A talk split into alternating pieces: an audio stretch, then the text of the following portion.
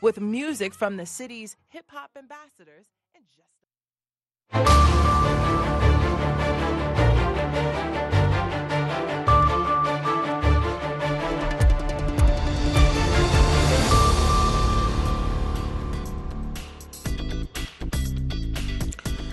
halkani waa washington lanta af soomaaliga idaacadda v o a oo aad ka dhegaysataan mawjadaha gaagaaban efemyada geeska afrika iyo caalamkao dhan oo aad nagala socotaan. Bartaannu internetka ku leenahay ee v o a somaly com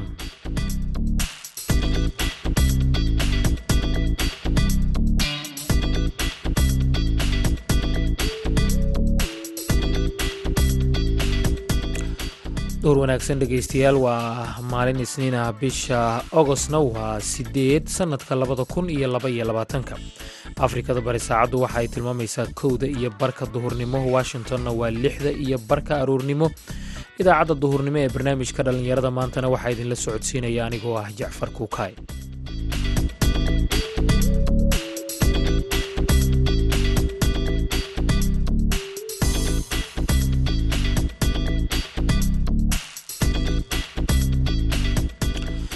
qodobada aad ku maqli doontaan idaacaddeenana waxaa ka mida kulan looga arrinsanayay kaalinta haweenka ee ka qaybgalka arrimaha siyaasadda oo lagu qabtay magaalada boorame haweenku waxay ka tallaabsan yihiin ilaahay ragga kuwa u durbaanka u tuma waa annaga kuwa soo saaraa waa annaga kuwa u codeeyaana waa annaga. Annagana ragguna ma ogola. Olmost markaan laga markaan ka soo hadlo cuqaasha waxaa kaloo aad dhegaysan doontaan tababare la xiriira maaraynta mashaariicda oo boosaaso loogu qabtay dhallinyaro kaalimihii heesaha iyo ciyaarihii ayaad sidoo kale dhegaysan doontaan. Marka horese waxaad ku soo dhowaataan warkii dunida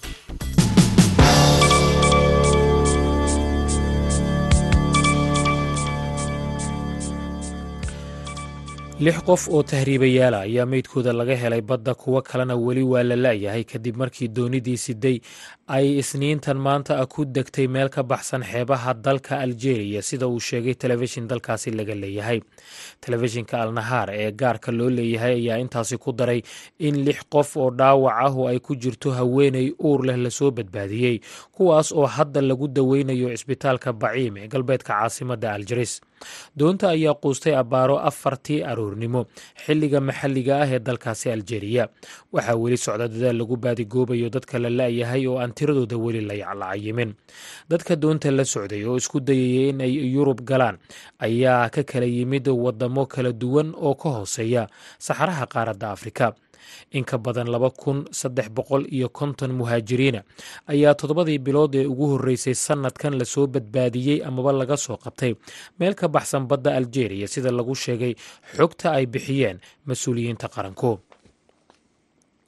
krimlimka looga arrimiyo waddanka ruushka ayaa isniintan maanta ku eedeeyey ciidamada kiyef in ay ka dambeeyeen duqayntii loo geystay warshadda nukliyeerka ee ugu weyn dalkaasi ukrein iyo guud ahaanba qaaradda yurub isaga oo ka digay cawaaqib xun oo ku soo wajahan. Qaaradda yurub halka kiyef oo eedeyntaasi iska fogeysayna ay ciidamada ruushka ku eedeysay in ay iyagu duqeeyeen dhismayaasha warshadda. Afhayeenka krimlamka dimitri beskof ayaa u sheegay warfidiyeenka in duqayntan ay ciidamada qalabka sida ee ukrein u geysteen xarunta nukliyeerka ee zabovirisia ay noqon karto khatar weyn oo cawaaqib xum ku reebi karta. Dhul aad u ballaaran oo uu ku jiro amaba ay ku jirto qaaradda yurub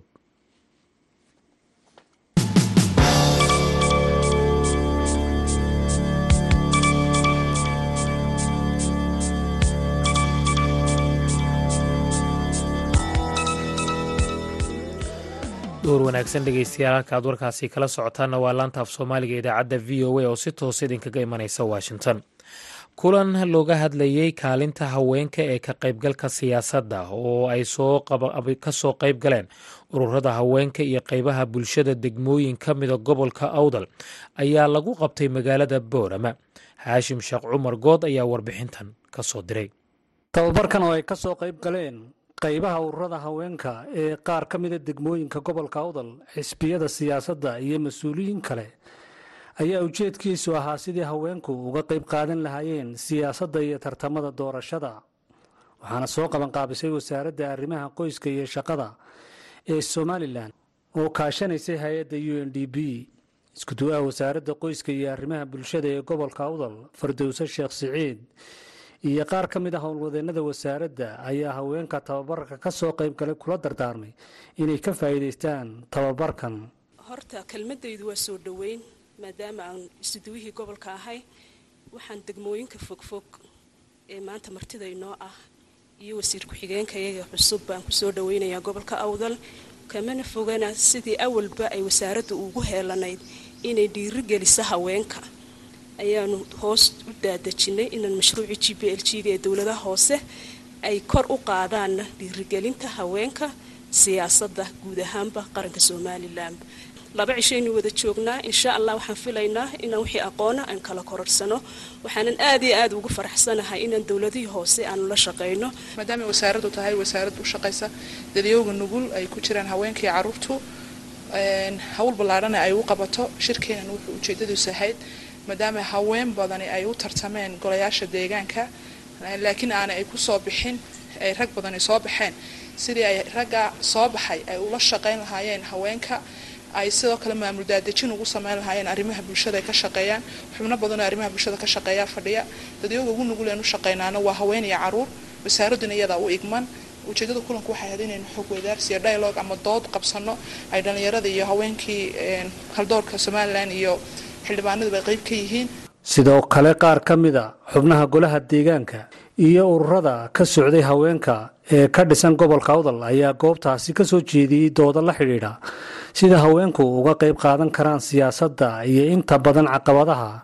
ka hor yimaada haweenka jecelka qaybgalka siyaasadda. Haweenku waxay ka tallaabsan yihiin ragga kuwa u durbaanka u tuma waa annaga kuwa soo saaraa waa annaga kuwa u codeeyaana waa annaga. Annagana ragguna ma ogola almost. Markaa laga markaan ka soo hadlo cuqaasha. Haddii la odhan jiray reer reer inan baa annaga naga mid ahay anugu hankaan dadkii hanka lahaa baan ahaa. Laakiin anugu ilaa xitaa tii hore ay kiraan xaajidaad ku soo baxday hankayga waan sameeyey anugu salaaban laha reerun baan ka tallaabsanay reerkaan ka dhashay iyo kii aanu dhexo kala jaada gudoomiyaasha golayaasha deegaanka ee degmooyinka boorame maxamed axmed warsame iyo degmada saylac yuusuf cawaale daahir ayaa ku dheeraaday doorka haweenku ay ku leeyihiin bulshada soomaaliyeed iyo kaalinta ay kaga jiraan dhismaha qoyska iyo sida loogu baahan yahay inay haweenku ka qayb galaan maamulka iyo siyaasadda. Waxaynuu joognaa shirkan maanta inooga furmaya oo berri iyo maanta socon doona oo ku saabsan sidii haweenku ay qayb uga noqon lahaayeen arrimaha siyaasadda. Runahaantii muhiimadda uu leeyahay shirkani waxa weeyaan in haweenku ay rool badan ku leeyihiin bulshada waxaynu qiraynaa oo aan doodi ka taagnayn inay yihiin qayb ballaadhan oo bulshada ka mid a kuwaasi oo kaalmo kala duwan oo wax go-oola kaga jira. Waxaan bogaadinaynaa howlaha muhiimka ah ee ay qoyska iyo bulshada iyo dalkaba u hayaan haweenku. Waan qirsannahay inay jirto caqabado ku gadaaman sidii ay siyaasadda qayb uga noqon lahaayeen oo qaarkoodna la xusay sida qoysaska ama reeraha ay ka soo jeedaan iyo kuwa ay u dhexeen waxaa ka mida caqabadaha in iyaga laftarkooga ay dumarku caqabad isku yihiin. Haweenkana waxaan leeyahay laydima diidana. Oo nin hooye iyo haween ka maarmaayo ma jiro. Isa seeg baa jira iyo barnaamijyo yaroo meela duca layskaga soo dhiibo oo la yidhahdo jandarka waxbaa laydin diidan yahay iyo waxbaa la idinka riixayaa taasi wax xaqiiqa ah oo jirta maaha wasiir ku-xigeenka wasaaradda arrimaha qoyska iyo bulshada ee somalilan cabdirashiid ibraahim muumin ayaa isaguna sheegay in tababarkani yahay. Mid wasaaradda arrimaha qoyska iyo bulshadu ku dhiirigelinaya haweenka guud ahaan sidii ay siyaasadda uga qaybgeli lahaayeen. Wasaaradda shaqogelinta iyo arrimaha qoyska iyadoo ka duulaysa ahmiyadda iyo faa'iidada ay haweenku u leeyihiin bulshada somalilan gaar ahaan ama bulshada soomaaliyeed iyo sidoo kale in ay haweenku yihiin lafdhabarta nolosha la'aantoodna ay noloshu sinaba suuragal ku ahayn. Waxay wasaaraddu soo qabanqaabisay kulankan iyadoo la kaashanaysa muxuu ahaa mashruuca b l g-ga amaba dawladaha hoose waxayna wasaaraddu dhiirigelinaysaa had iyo jeer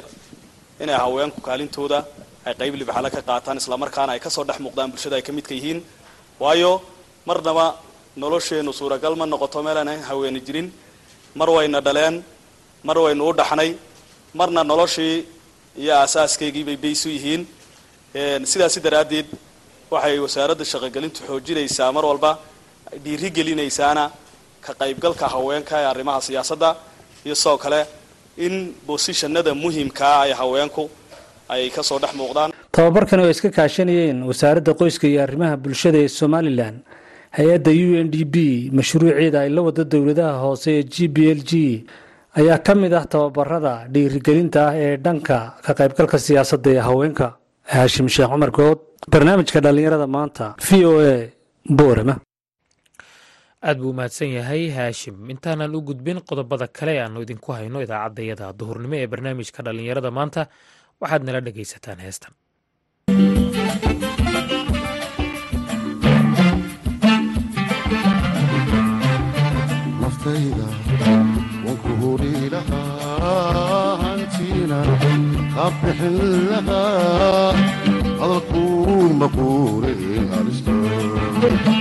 halista goysiyo halka gataali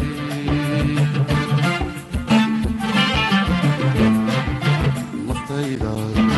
waan ku huri lahaa hantiina kaa bixin lahaa hadalkuu maquurin halista goysiyo halka igaga jaali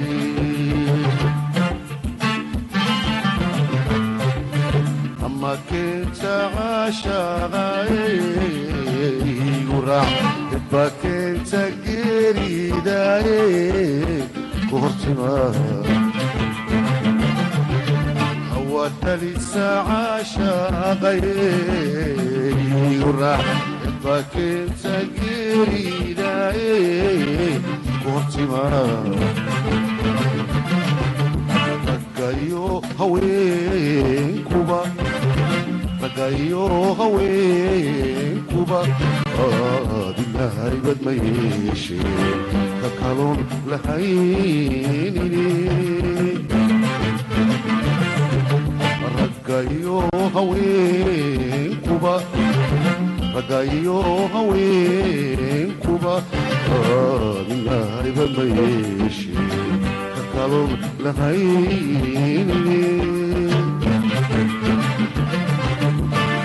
hadhowbee oo laymihiisina laylama hadlo goburdeer oo beryoy soor caashaqa aanashii hadhowbee oo laymihiisina laylama hadlo goburdeer oo beryoy soor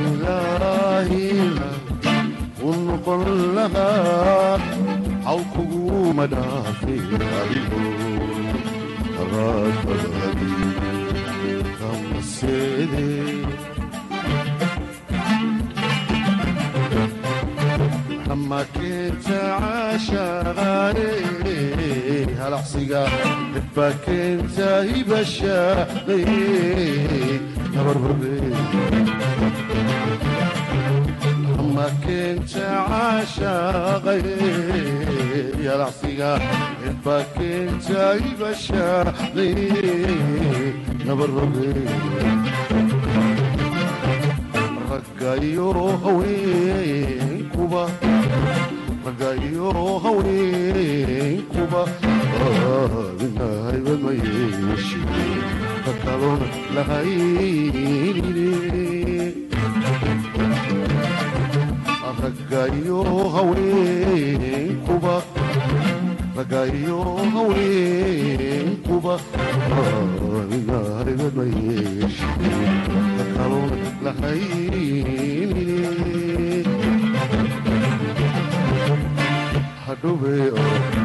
laymihiisna laylama hadlo doburgeer oo beniyaysoon caashaqa la shiide hadhowe oo laymihiisna laylama hadlo doburgeer oo beniyaysoon caashaqa codkaasi macaan ee xasan aadan samatar iyo heestii soo hor caashaqa haddaannu intaa kaga nimaadno markana aanu aadno dhanka iyo magaalada boosaaso. Dhallinyaro wiilal iyo gabdha ah ayaa waxaa loo soo gebagabeeyey tababar lagu baranayay xeeladaha iyo xirfadaha lagu maamulo mashaariicda kala duwan ee dhinaca horumarinta sida uu ku soo waramayo wariyaheenna yuusuf maxamuud yuusuf dhallinyaradan oo isugu jiray wiilal iyo gabdho ayaa dhammaystay barashada xirfadaha sida loo maareeyo mashaariicda waxaana tababarkaasi bixinayay dhallinyaro khibrad u leh sida loo maamulo loona maareeyo mashaariicda iyadoona ay ka faa'iidaysanayeen lixdan qof. Muddadii toddobada beri ahayd uu tababarkaasi uu socday cabdulaahi cabdisalaan maxamed iyo maxamed mahad oo ka mid ah macallimiintii tababarkaasi bixinaya ayaa ka warramay waxyaabaha dhallinyaradu ay ka faa'iideen tababarkaasi intii uu socday. Laakiin taa inaan beeninay oo tababarkan ay ka faa'iidaysteen dad qaarkood master ay yihiin kawaadirtii magaalada ah oo brofessionalist badan ay ku jiraan waxay muujinaysaa baahida aan u qabno inaan wax baranno maskaxdeennana quudinno calaamad bilow ah ha noqoto heesan noqon mid dhammaada aad baan ugu faraxsanahay inaan maantay ilaahay subxaana watacaala ugu guuleeyo oo unoo soo gabagaboobo tababarkii socday caawana aan u madlanahay oo aan u joogno meesha in ardadii tiradoodu gaaraysay lixdan iyo saddexda qof aan shahaadooyinka siino oo ay nala joogaan maragna ay ka yihiin madaxdii heer degmo iyo heer gobol ee magaalada qarno iyo gobolka karkaar waxaa xusid mudan mudanayaal ardadan waa xirfadley ka howlgala deegaanka ama magaalada qarno iyo magaalooyin kale hoostaga sidoo kaleeto waxaa ka mid yihiin dad professional oo shaqeeya iyo qaar kale oo badan oo hadda ku hamiyaya inay shaqooyin ku helaan xirfadan dhinaca kale qaar ka mid a dhallinyaradii ka faa'iidaystay tababarkaasi lagu baranayay habka loo maareeyo mashaariicda ayaa sheegay in wax badan ay ka faa'iideen waxayna u mahad celiyeen macallimiintii tababarkaasi siinaysay. Waxyaalaha aan macana ka bartay haddaan qodobeeyo ardaydeena dhan waxaa ka mida kow wixii laba wax weligaa gorgortan ha ka gelin. Waxaa ka mida laba wax weligaa wax ka gorgortami kartaa oo ah timeka iyo kostiga laakiin shayga qualitiga la yiraahdo weligaa gorgortan ha ka gelin projectigaaga ama mashruucaaga hoos u dhigayaa tan labaad waxa weeye intuu traininka socday macalinku wuxuuna siiyey tuyar iyo practical oo ah gurugurub noo kala saaray inuu yiri each maaragtay group waxa laga rabaa project inay soo diyaariyaan. Markii aan qaadanay kadib haddana wuxuu noo diray budget in la diyaariyo. Taasna uga mahad celinaya. Waxaan is leeyahay ka faa'iidaysta ahaan saaxiibadii madashtan joogay oo ka faa'iidaystay laba waxyaalood baa ugu muhiimsanaa oo aad aan uga faa'iidaysanay basic project managementiga kow waxay ahayd inaanu xog guud ka helno waxay ku saabsan tahay b n b gu iyo ma garanaysaa sida aan uga faa'iidaysan lahayn sida shirkaadka iyo ma garanaysaa qaybaha kala duwan ee hay'adaha dowladda looga faa'iidaysan lahaa. Dabcan anugu xildhibaan golaha deegaanka baan ahay waxaan is dowladda hoose iyo guud ahaanba heerarka kala duwan ee dowladnimada ee deegaanakan mashaariicda iyo kontaroolkooda iyo kawarhayntooda iyo xaysiintooda iyo ma garanaysaa kawarqabkooda waxyaalaha ugu muhiimsan buu ku jiraa aad bay uga faa'iideeyeen magaalada. Sidoo kaleeto waxay nooga faa'iideeyeen in maaragta barofesoro tababaro iyo macalimiin khabiiro ah inay magaalada ku casumaan ardada uga faa'iideeyaan reer qardhood runtii taasna waa ku ammaanayaa mahadka hogol. Tobabarkan dhallinyarada la siiyey ayna ku baranayeen sida loo maareeyo mashaariicda kala duwan ayaa waxaa ka faa'iidaysanayay aqoon-yahano iyo weliba dhallinyaro kale oo ku shaqaysta cilmiga injineerinka iyo weliba kuwo kale oo ka shaqeeya hay'adaha maamulka puntland kuwaasoo wax badan uu ka bedeli doono habka loo maarayn doono mashaariicda iyadoo ugu dambayntiina la guddoonsiiyey shahaado muujinaysa waxa ay barteen. Yuusuf maxamuud v o e boosaaso aad baad umahadsan tahay yuusuf. Markana dhinacii ciyaaraha aanu u weecanno cabdulqaadir maxamed mursal ayaa inoo haya wararkii ugu dambeeyey ee isboortiga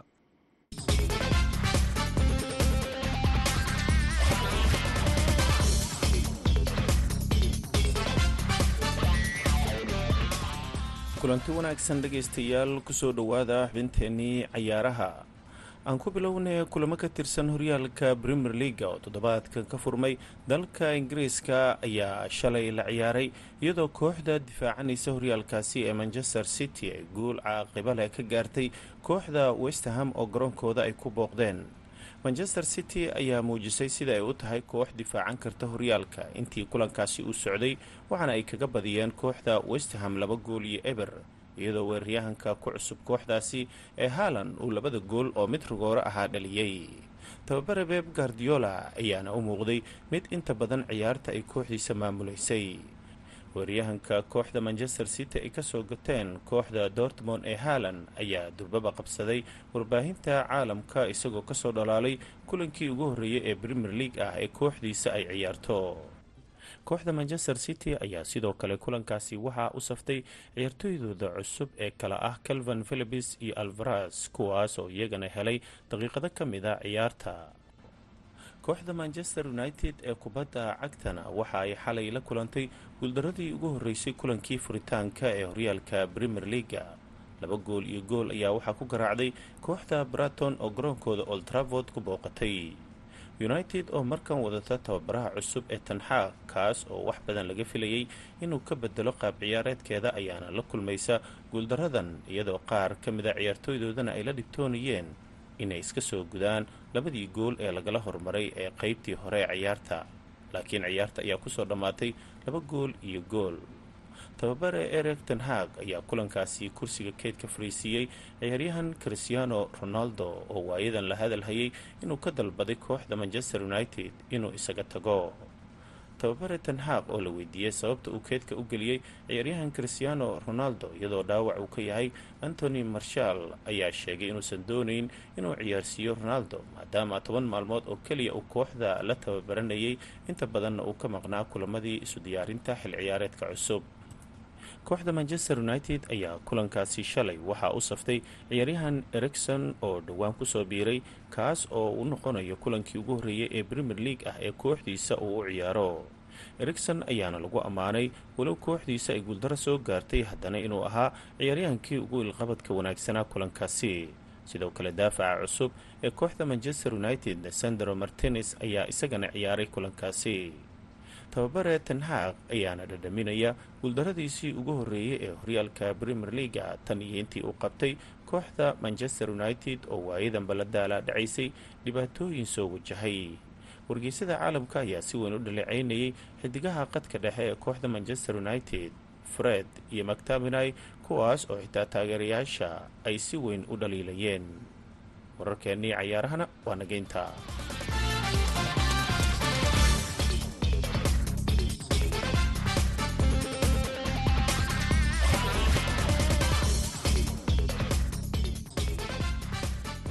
aad buu u mahadsan yahay cabdulqaadir maxamed mursal oo nala socodsiinayay wararkii ugu dambeeyey ee dhinaca ciyaaraha. Markana aanu dib ugu laabanno kaalimihii heesaha.